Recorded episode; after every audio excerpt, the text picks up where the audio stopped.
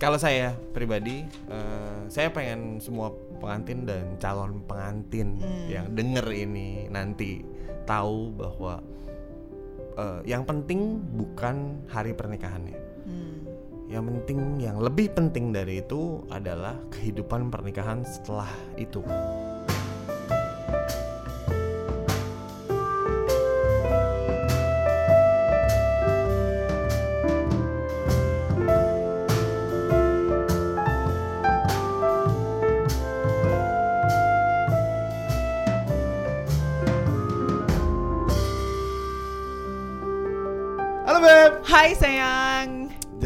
Hari ini kita balik lagi. Yes. Hari ini tuh kita rame banget. Tapi dua teman kita ini belum mengeluarkan sepatah kata apa pun. Dia harus kita colek-colek biasanya. Oh oke. Jadi hari ini kita ngomongin apa Beb? Kita ngomongin tentang persiapan pernikahan. Kita bahas ini tuh karena ada banyak yang DM DM kita soalnya. Yes. Nanya, eh siapin pernikahan lu tuh gimana sih? Yes. Gitu. Terus yang kedua, aku pribadi mau bahas karena budget kita over budget waktu menikah. Jadi Dan buat kita orang yang bukan kayak kaya banget gitu kan. jadi kita stres over budget. Jadi kita nggak bisa. Makanya karena itu gue pengen buat aku pengen buat semua pendengar kita Yes. dia bisa memanage pernikahan dengan baik Yes. sebisa mungkin tidak over budget Yes. dan happy ending. Yes. Dan hari ini kita sudah kedatangan teman-teman dari Sparkling underscore WO. Yes. Bukan teman-teman, foundernya malah. Foundernya gila. Kita tarik dia sesibuk ini dia bolak-balik keluar kota gitu kan. Jakarta Tangerang, Jakarta Tangerang kan. Iya. kita maksa ke sini kan. Oke. Teman-teman boleh kenalkan dirinya. Sparkling WO itu berdiri dari apa, Ya. ngurusin apa, berdiri dari kapan biar teman-teman yang dengar bisa tahu. Oke, eh, halo semuanya. Eh, gua Rafan yang punya Sparkling. Eh, Sparkling ini udah dari 2009. Sem- 10 tahun, Beb. Ya, 10 tahun, 10 tahun. 10 Gila tahun. ya. Kita udah dari 2009 udah eh, manage ya nggak kehitung lah nggak tahu kita juga ngitungin udah berapa wedding yang udah kita manage dari persiapan sampai dengan eh, hari hanya gitu jadi eh, ya tugas kita itulah kalau misalnya yang mau merit pasti udah tahu wo tuh buat apa dan wo tuh ada untuk apa yang pasti nggak bikin kalian pusing sih di hari Yes. Nah, yoi. Van, coba dong, lu kenalin di samping lu tuh siapa? kan pendengar kita nih nggak bisa lihat kan? Iya, Dia iya, sendirian iya, aja Yes. gitu kan? Oke, eh, ini Mika, eh, istri istri gua Yo, dan yes. eh, foundernya sih sebenarnya dia ya. Gua cuma nemenin doang sebenarnya. Gitu, founder aslinya dia, yang nemuin namanya dia, yang nemuin eh, bisnis ini pun dia. Gitu, saat eh, 10 tahun yang lalu WO tuh belum Booming. booming, seperti I see. sekarang. Masih Gitu. kehitung sama jari ya. Ya, zamannya SMS-an sama WA-an plus Asia satu rupiah ya kalau ada yang tahu. ah, gua gua ngalamin tuh, gua ngalamin. Oke, jadi kita tuh ngundang mereka ke sini khusus banget Yes. karena kita pengen banyak tanya pengalaman mereka 10 tahun. Yes. Dan pengalaman mereka itu nggak cuman buat teman-teman menarik, tapi juga buat teman-teman ketawa kayaknya. Betul ya? Karena banyak pengalaman lucu-lucunya mereka. Yes. Yang kita mau bahas apa sih pertama kali sebenarnya ke mereka? Oke, jadi sebenarnya kita itu juga pengen tahu gimana sih eh, cara orang-orang harus nyiapin diri mereka sebelum menikah gitu. Apa yang kira-kira harus di set dulu nih atau apa yang harus mereka punya sebelum mereka bahkan booking gedung. Yes. Apa ya kalau misalkan eh, yang harus dipunya sih yang pasti Iya. pasangan Oh, iya. itu pasti itu harus Harus ya, kalau nggak ada pasangannya gedung eh, gedung pun nggak mau terima gitu jadi yang paling pertama harus disiapin itu eh, pasangannya Pasangannya. habis itu baru berapa sih budget total kalian Hmm, Gitu. Sama Sebel- mentalnya jangan lupa. ah ya mental mental I mental itu see. penting mental itu penting I see. Kenapa? Iya, ke- kenapa mental mental apa gitu menikah? Karena yang paling penting tuh mental dan kesiapan hatinya daripada uangnya. Kalau uang masih bisa dicari, tapi Is. kalau kedewasaan seseorang untuk menikah nanti ya cuma diri sendiri aja yang bisa siapin kan. Ih gila, Wush. luar biasa. Jadi jadi banyak banget eh, teman-teman yang punya uang tapi tidak punya mental. Setelah Banyak, ba- banyak. setelah bayar batal menikah gitu maksudnya Oh, kan? ya betul betul betul, betul. iya, seriusan. Gara-gara ngelihat teman-temannya, wih temen gue udah pada kawin nih, kok gue belum ya? Ah gue juga mau ah kawin, jadi latah mau kawin. Padahal Oh, dikata kawin see. enak ya, padahal enggak loh. Iya. eh, by the way kalian udah nikah berapa lama nih? Ah iya benar. Iya kan? Ini merupakan Eh, besok besok tahun ke 8 kami Wih. Gila. Oh, berarti dua tahun setelah menikah bikin bisnis ini dong? Eh, belum bukan bukan Eh, bukan enggak eh, dua tahun sebelum menikah bikin bisnis ini. Oh, berarti nikah dulu, bikin ngerintis, terus setelah menikah kalian bareng untuk kembali. Iya, nyari budget buat nikah. Tadi yang Rafa highlight itu menarik banget. Kita harus nyiapin total budget pernikahan kita.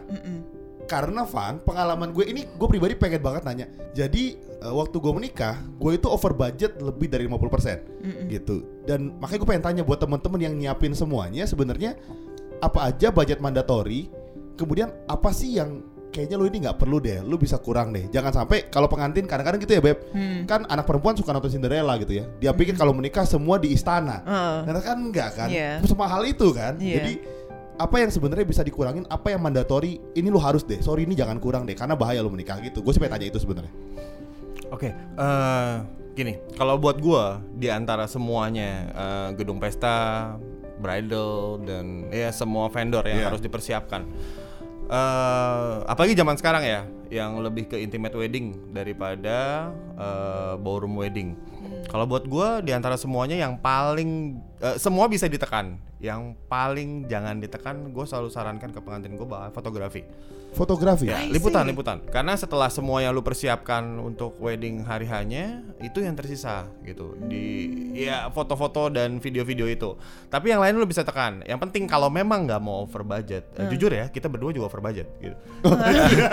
Walaupun banyak harga rekanan, gitu. tapi tetap kita over budget. Tapi maksudnya yang harus eh, yang perlu diperhatikan adalah yang pertama ya lu nggak boleh eh, mesti tega dan nggak boleh lapar mata gitu. Jangan lu lihat ini lu mesti kuatkan hati bahwa budget gue segini pokoknya ini. Ini mau sebagus apa pun gue cuma sanggupnya yang ini. Ya ini aja Hmm. gitu. Jangan jangan ada kata tanggung. Ah, tanggung lah. Iya, iya, sedikit iya. lah. I gitu. ini bedanya kecil lah nah yang kecil kecil kecil itu kalau ditambahin ya pasti over gitu budgetnya tapi kalau misalkan lu nggak pokoknya segini budget gua oh ini lebih murah bahkan nah cari yang memang masuk budget tapi harus dilihat ya service dan hasil pastinya Hmm. gitu dan banyak vendor seperti itu I see. Jadi jadi kalau misalnya boleh saran, eh, jangan kita milih dulu nih vendornya mau apa. Tapi eh, set dulu goal budgetnya yang kita bisa, yang kita mampu eh, berapa. Jadi eh, vendor ngikutin budget kita, jangan budget kita ngikutin vendor. I Jadi see. di set eh, nominal budget untuk kita wedding maksimal di angka berapa, nanti dipisah-pisahin, diklasifikasiin untuk gedung sekian persen, apa sekian persen semuanya. Jadi ketika lu nyari vendor ya based on budget yang emang lu udah bikin persentasenya. Kalau ketika lu mau deal, budget gue segini, apa yang bisa lu kasih? Hmm. Nah, kalau misalnya kira-kira udah over budget, ya dipikir lagi kira-kira yang di press bagian mana nih. Kayak gitu sih. Jadi jangan sampai ya over sedikit-sedikit masih oke lah, tapi jangan sampai ngebludak banget kan. Oh. gitu. Kalau dari kamu sendiri dari sisi wanita, kan tadi si Ravan bilang yang paling penting itu fotografi. Iya, iya, Dan betul. itu interesting karena biasa wanita yang ngomong gitu kayak nggak Yes. nggak mau foto gue harus bagus, Betul, betul. bridal gue harus bagus. Kalau dari kamu sendiri kayak apa sih yang eh, jangan dikorbanin deh, yang ini eh, harus strict dan harus kayak high quality misalnya Iya. gitu. Sebenarnya sih semuanya penting, tapi kalau dari sisi wanita, balik lagi ya dari sisi wanita, sebenarnya yang paling penting kalau boleh egois sedikit, Ah. ya make up si bride-nya lah, see, gitu. yes, Karena yes, yes. eh, kan orang-orang hari itu kan ngelihat si cewek ketimbang Yes. yang cowok kan. Sekarang kalau pakai make up yang gimana-gimana kan lu yang dilihat, lu yang malu, foto sama hal apa pun kalau emang make upnya nggak bagus juga bakal Yes, jadi yes. jelek gitu, nggak Yes. ada yang nafsu lihat. Cuma nafsu makan gitu. Jadi, jadi kalau gue ya better ya make up si ceweknya. I see. Gitu. Iya iya benar benar benar. Beb, tapi ini beda banget Ah, sama yang aku pikir. ah. Aku pikir itu orang semua orang tua kita akan bilang makan nggak boleh kurang. Hmm. Kalau makan kurang itu malu. Tapi ini fotografi. Tapi aku baru ngeh. Hmm. Karena bener yang Ravan bilang. Yang tersisa itu cuma fotografi. Mm-mm. Yang yang kita lihat setelah itu memang fotografi. Kita nggak bisa lihat apa-apa lagi. Kenangannya semua akan digambar itu dan Mm-mm. ini menurut gue insight baru buat Ya. teman-teman yang denger Heeh. dan buat vendor-vendor fotografi kalau mau di endorse boleh kontak-kontak kita. Jadi gitu. boleh boleh boleh. Iya boleh boleh boleh. Terus kadang-kadang kalau misalnya dari foto-foto gitu kan kita juga bisa ngelihat ya yang mana kayak yang bener-bener genuinely happy dan mana yang kayak suka fake gitu Iya, kan. betul. Nah kalau dari kalian sendiri, misalnya ketika nanganin klien atau nanganin pasangan gitu, eh, kalian pernah nggak sih kayak eh, punya pengalaman kayak eh, gimana cara happy couple atau orang yang kayak sukses dan bakal long term itu nyelesain konflik? Misalnya apa sih bedanya yang membuat mereka itu bisa successful and on long term gitu? Iya, jadi atau kalian misalnya lihat kayaknya nih nggak long term deh gitu kan punya sinyal-sinyal gitu kan 10 tahun pasti ada kan iya kelihatan gitu atau kan. jangan pas kalian lagi apa eh, sama klien Lagi ada yang meeting. ada yang ada yang justru di beberapa tahun kemudian terus eh, cerai gitu misalnya Iya, jadi Ah. kita akan dengar pengalamannya. Eh, ah, ada sih ada banyak gitu. Maksudnya ada beberapa juga eh, klien-klien kita yang cerai, yang bahkan eh, cancel karena mereka putus dan I see eh, lain-lain banyak gitu. Tapi kita bisa tahu gitu. Maksudnya ini pasangan memang saling menyayangi, terpaksa menikah karena Oh, ya macam-macam ya usia dan lain-lain atau gimana gitu. Jadi eh banyak gitu kayak misalnya dari meeting pertama aja ya si cowok udah bener-bener megang tangannya beda, Oh, natapnya beda, si ceweknya saling tatapnya beda. Nah ini kita tahu oh ini mereka berdua memang bener saling sayang dan ini pasti long last gitu. Tapi ada juga yang eh meeting pertama oke lah, terus meeting kedua ketiga mulai ceweknya marah-marah atau cowoknya bentak-bentak atau gimana di depan kita Di ya. depan WO. Oh orang my luar gitu goodness. maksudnya. Iya, iya, iya. Nah ini sih kayaknya nggak lama ya gitu, Ah. gitu. Jadi eh, macam-macam kita juga pernah nanganin nih kayak maksudnya eh, Mika kayak Mika tadi ngingetin kayak bipolar terus dan lain-lain. Tapi saya tahu yang bipolar bahkan eh, ini orang kayaknya long last gitu karena si Hmm. ceweknya bisa menghandle si cowoknya yang bipolar I see. Gitu. Jadi eh ya tapi itu karakter ya. Maksudnya Hmm. kita nggak bisa kita nggak bisa mungkin saya bisa salah tapi mungkin juga eh kita juga nggak bisa ngasih tahu gimana mereka pasangan-pasangan bisa long last atau gimana. Ya itu karakter balik lagi. Hmm. yang ng- ngamuk-ngamuk tapi lawannya eh, cowoknya lebih sabar itu pun bisa long last gitu. Iya, tapi iya, yang yang kita nggak tahu pun ada juga yang kayak eh, kayaknya adem-adem aja. Terus tahu-tahu udahan gitu. Tahu-tahu Oh. mereka bubar gitu. Nah, itu pun ada gitu. Jadi eh, ya kadang tebakan kita salah. Tapi eh, ya sebagian besar bener lah gitu. Jadi balik lagi tadi Mika bilang penting mental. Saat eh, mental lu bener eh, hati lu siap memang siap buat menikah udah pasti long last gitu. tapi kalau misalkan memang itu belum siap budget berapa m pun nggak ada gunanya karena habis itu ya menguap aja kalau Iya, iya, iya. cerai kan gitu Kalau mental maksudnya mental kayak apa sih? How do you know kalau kalian tuh siap untuk merit? Nah, that's a good question. That's a very good question. Kayaknya kayaknya Mika yang lebih pengen jawab. Berpikir keras Mika kita lihat dari sini. Eh, kedewasaan sih. Dewasa dalam arti kan ini dua insan yang berbeda ya. Di dilahirkan, dididik, dibesarkan dengan culture yang beda satu sama lain. Jadi mental yang siap kalau buat gue pribadi adalah ya dewasa karena ya pasangan kita juga bukan pasangan yang sempurna, jauh dari kata sempurna. Jadi ya dewasa terima dia gimana, kekurangannya apa, bahkan nutupin kekurangannya gitu Ah, I dengan see, apa iya, yang iya. kita punya. Dan mungkin yang uh, agak lebih berat adalah kalau pasangan kita ya ya udahlah ya, toh gue juga yang milih. Tapi mungkin yang lebih berat adalah keluarganya juga, karena kan kita Hmm. menikah sama uh, satu pribadi, tapi menikah dengan keluarganya juga. Yes. Iya, anyway. iya, iya. Nah, eh, konflik-konflik kayak gitu ya secara dewasa juga kita juga mesti siapin sih. Apalagi kalau merit kan antar dua keluarga. Betul. dua pemikiran yang berbeda ya gimana cara kita eh, buat manage kita punya diri sendiri dulu lah Kalau dari kalian punya pengalaman nggak yang interesting bagaimana menikahkan bukan menikahkan mempersiapkan pernikahan antara dua keluarga? Yang berbeda. Yes. Ya kalau eh, ada gitu banyak. Kalau misalkan pengalaman kita dari dua culture yang berbeda itu banyak banget. Tapi justru kalau misalkan perbedaan eh, culture mereka jauh, mereka malah saling ngalah gitu. Jadi kayak misalnya, misalnya ya Jawa, Sunda atau eh, Jawa dengan Batak dan eh, macam-macam Ambon dengan Manado. Nah, eh, kalau perbedaan mereka segitu jauhnya, biasanya mereka malah saling ngalah dan tidak saling berebut untuk menggunakan eh, adat mereka. Gitu. Ada yang ya mungkin pemberkatannya kita pakai adat Jawa, terus eh, resepsinya kita pakai adat eh, Batak misalnya atau dibalik atau akadnya kita menggunakan adat Jawa, re- eh, resepsinya menggunakan adat Ambon atau Manado. Jadi terbalik. Justru yang sering kejadian sama kita adalah dua culture yang berdekatan gitu, yang eh, yang saling nggak mau ngalah itu biasanya yang berdekatan. Misalnya, misalnya dua-duanya sama-sama Chinese, mereka dua-duanya sama-sama Toto dan sama-sama punya pemahaman mereka sendiri. Karena Chinese kan daerahnya juga banyak kan. Iya, Iya, iya. iya. Ah, jadi ya mereka harus ini, mereka harus ini, mereka eh, maksa harus ada list yang dikerjakan. Mereka maksa harus ada yang eh, ini harus nih, ini harus, ini harus gitu. Oh jadi eh, kebanyakan malah itu yang terjadi. Tapi kalau misalkan mereka benar-benar completely Berbeda. different, mereka biasa saling ngalah. Hmm. Jadi bahkan dua-duanya ujung-ujungnya nggak pakai adat mereka dua-duanya. Udah kita internasional aja biasa Oh. gitu karena maksudnya dua-duanya sama-sama nggak enak nggak enak lah gue maksain adat gue nggak enak lah gue maksain ini jadi ujung-ujungnya mereka malah saling eh, ngalah dan udah kita adat internasional aja yang biasa gitu kita nggak usah pakai adat-adatan kayak gitu tapi kalau yang berdekatan baru mereka yang bener-bener kayak "Hmm, nggak harus ini harus ini harus gitu. Aduh. Nah, kalau misalnya lagi ngalamin konteks gitu, Van, yang berdekatan, gimana cara kalian sebagai WO untuk bisa menyelesaikannya? Kalau kita sih biasanya eh, saya akan pasti kasih pemahaman dulu. Terus eh, saya kembalikan lagi biasanya ke pengantinnya.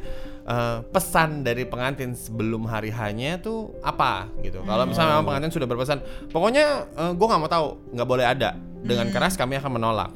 Karena biasanya itu come up bukan dari keluarga inti, dari extended family kayak tante, eh, om atau nenek Ya. mungkin.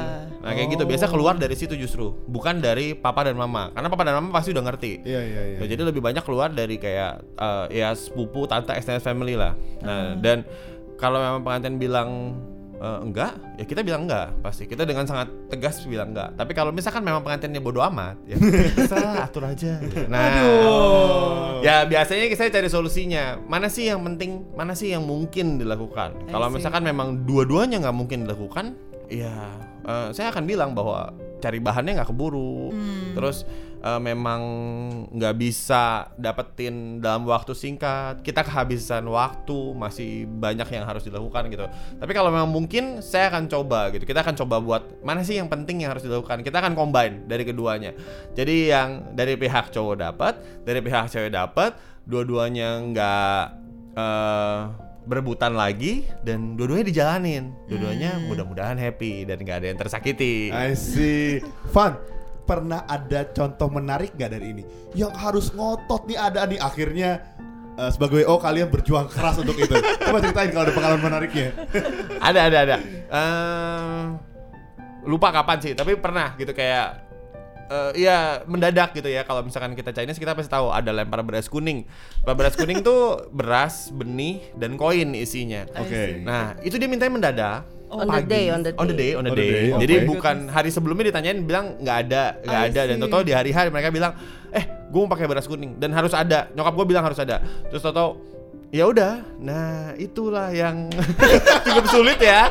Terus ya udah muter otak. Akhirnya kita beli bumbu nasi kuning, Oh God. beras dan teman-temannya di supermarket terdekat. Terus ya udah diolah buat jadi itu. Tapi ya beda ya, masih agak basah dan bau-bau bawang. Harusnya kan kalau lempar beras kuning itu nggak bau bawang dan udah kering gitu. Iya, iya, Eh, ini iya. masih basah Oh karena God. baru beberapa menit yang lalu sebelumnya dibikin. Oh my goodness. gitu. Ada ada kayak gitu-gitu ada gitu. Dan banyak gitu yang Hmm. minta yang aneh-aneh. Ya syukur-syukur sih maksudnya puji Tuhan semua bisa dapat Nah, walaupun jadinya ya mirip tapi agak beda dikit gitu ya. Yang penting usaha lah ya. Yang penting usaha lah ya. I see. Ya ampun gila jadi itu lucu banget ya tadi pengalaman. Iya ya.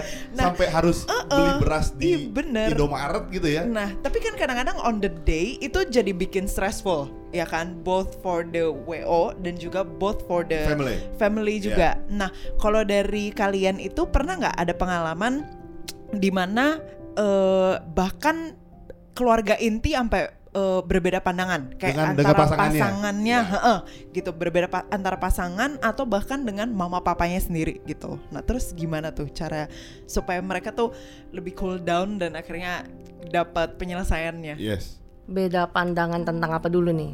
oh hal simpel kayak taruh pondokan di mana misalnya gitu atau kayak misalnya eh, eh, buat di gereja terus perlu ada eh, eh, Sesuatu yang iya, lain. sesuatu Atau misalnya waktu kita menikah dulu mamanya Mandy bilang gini.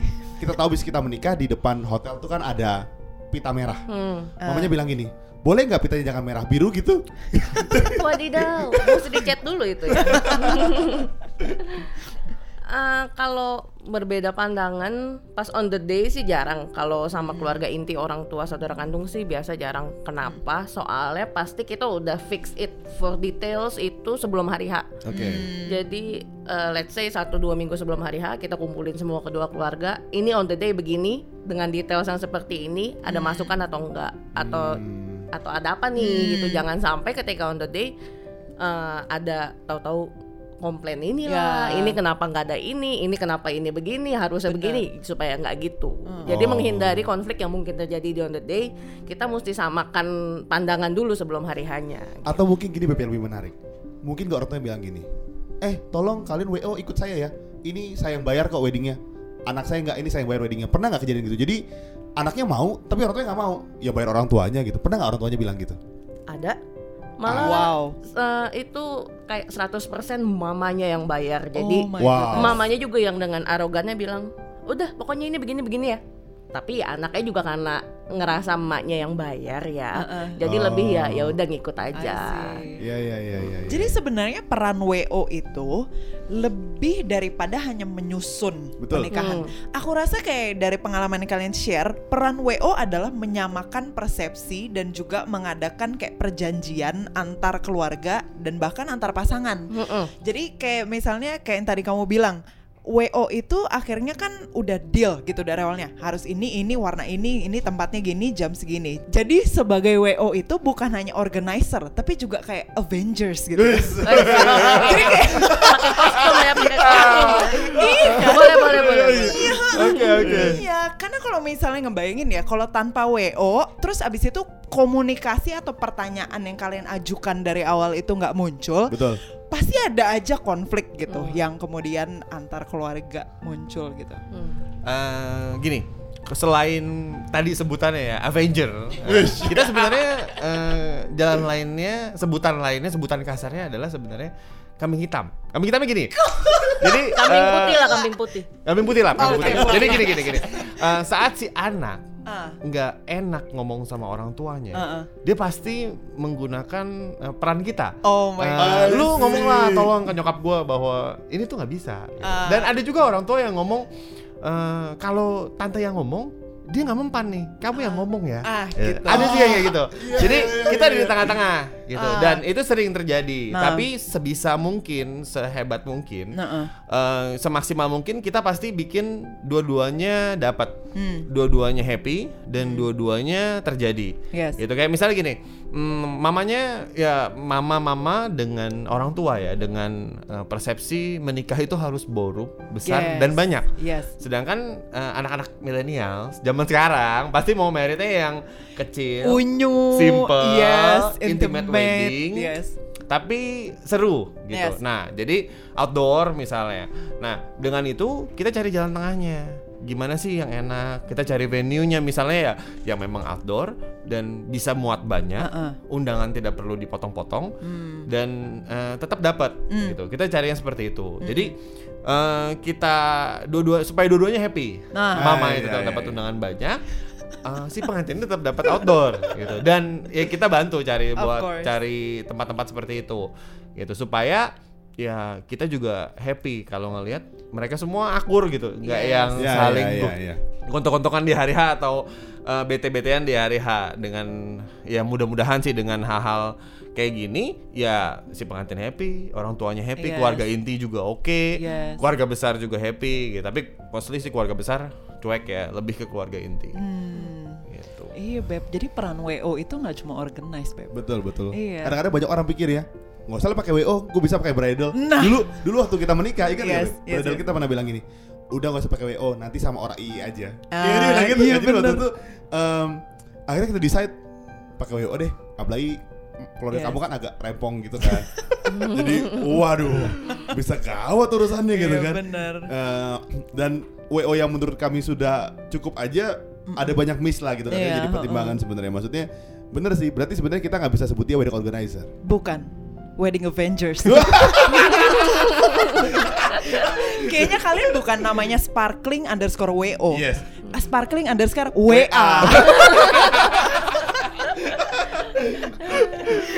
Oke, nah dari sekian pertanyaan yang menarik dan yang kita bahas, ini yang paling menarik terakhir. Oke.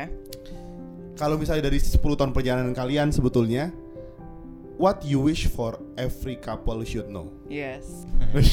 Kalau kalau saya pribadi, eh, saya pengen semua pengantin dan calon pengantin yang denger ini nanti tahu bahwa eh, yang penting bukan hari pernikahannya. Hmm. Yang penting, yang lebih penting dari itu adalah kehidupan pernikahan setelah itu. Hmm. Gitu. Kalian harus di luar mempersiapkan budget untuk pernikahan. Budget yang pernikahan yang kalian siapkan itu harus sudah dipotong dengan persiapan kehidupan pernikahan kalian. Intinya ya kayak eh, ya kalian harus tahu mesti, mesti mau tinggal di mana, rumah sudah ada atau belum, even itu kontrak atau beli gitu. Tapi itu sudah pasti.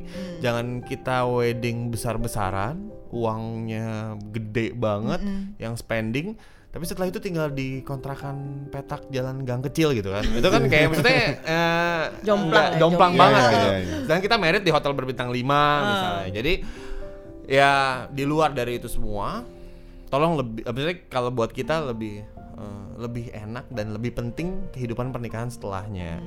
Di luar dari eh, hari hanya itu sendiri. Tapi ya memang hari H itu penting untuk eh, semua orang. Cuma ya itu semua bisa diakalin, dapat eh, pernikahan yang kalian impi-impikan atau yang kalian mau tanpa harus mengorbankan kehidupan pernikahan kalian. Hmm. Gitu karena tidak tidak mm, tidak jauh lebih penting eh, rumah, tempat tinggal, terus atau ya setelah merit balik ke film mertua indah gitu kan, kayak gitu, Jadi ya maksudnya kita harus pikirkan itu juga gitu. Jangan yang itu terpaut di luar dari pengalaman kita berdua juga I gitu. Nggak yang ya gue mau wedding gede-gedean utang sana kartu kredit dan lain-lain semua. And then setelah itu tinggal nggak tahu mau di mana balik ke rumah orang tua ya maksudnya lebih baik kita persiapkan semuanya jadi budget weddingnya kalau bisa sudah dipotong dulu sama persiapan itu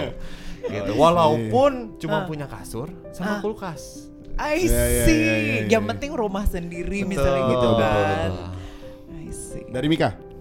Nah, itu kan kehidupan setelah pernikahan. Kalau Hmm. persiapan pernikahannya yang kita harap semua tahu selain pesta ya, yang jauh lebih penting menurut gue itu adalah sah secara hukum dan agama. Itu yang banyak dilupain orang-orang anyway. Kenapa? Jadi pesta udah dipersiapin nih. Semua detail saya udah udah udah selesai lah, udah komplit. Hmm. Tapi mereka tuh sering lupa. Hmm. Catatan sipil, surat-suratnya belum disiapin. Oh. Padahal waktunya udah mepet, misalnya udah Iya, dua iya. minggu atau sebulan lagi. Atau eh, pemberkatan mau di mana? Oh, belum tahu nih di mana ya. kan kayak "Hah? gimana gitu maksudnya Iya, iya, eh, iya. lu siapin pesta pernikahannya tapi secara legalnya lu nggak prepare karena lebih penting sah secara hukum dan agama kan Yes. Ya, Benar, betul, benar. betul. kalau nggak ada itu ya sebenarnya ya percuma lu ngadain pesta gede-gedean bakal digerebek sama Pak RT gitu bener banget karena belum sah. Bener bener bener. karena belum sah Iya, iya, benar, Gitu. benar. jadi yang paling penting itu kalau buat gue Iya see. Dan yang kadang-kadang orang-orang nggak tahu itu ternyata repot juga loh. Ngurus Iya. itu it took Itu, effort dan betul. took Iya. time Iya. juga. Bener bener bener. terus dibolak-balik Iya. belum lagi panas-panas nunggu emosi segala macam itu kayak nguras energi jadi itu sih yang paling penting kalau buat gue Iya, benar-benar juga. Yes. Nice talking today. Yes. Sangat menyenangkan bahkan kita aja nggak tahu kenapa kita nggak dari dulu bikin podcastnya ya beb. Jadi kan sebelum menikah kita bisa prepare kayak gini juga. Kita bisa belajar dari expert. Iya kan? Iya kan? Oh. Aduh. Iya iya iya. Oke. Oke. Oke. Jadi buat teman-teman yang mungkin penasaran orang ini, kita akan taruh di description kita Yes. sparkling underscore WA wedding avenger bukan tetap WO ya tetap WO Masih, masih WO, masih, WO. Masih WO. Oke, jadi ya seneng banget ngobrol-ngobrol bareng sama teman-teman kita di Betul. @sparkling underscore WO. Kalian buat yang pengen tahu gimana cara kerja mereka dan bagaimana mereka menyelamatkan wedding Anda, bisa lihat di Instagram. dengan nama yang sama sparkling underscore WO Yes. dan by the way ini kita tidak di endorse tapi ini kita bakal bisa makan gratis di semua wedding yang mereka prepare oh, enggak, enggak, enggak gitu salah ya salah Oke, Aduh, paling oke. sampai situ aja Beb ya. Yes, thank Sa- you ya. Thank you teman-teman ya. Thank you, thank you. Oke, sampai jumpa. Bye bye. Bye bye. Bye.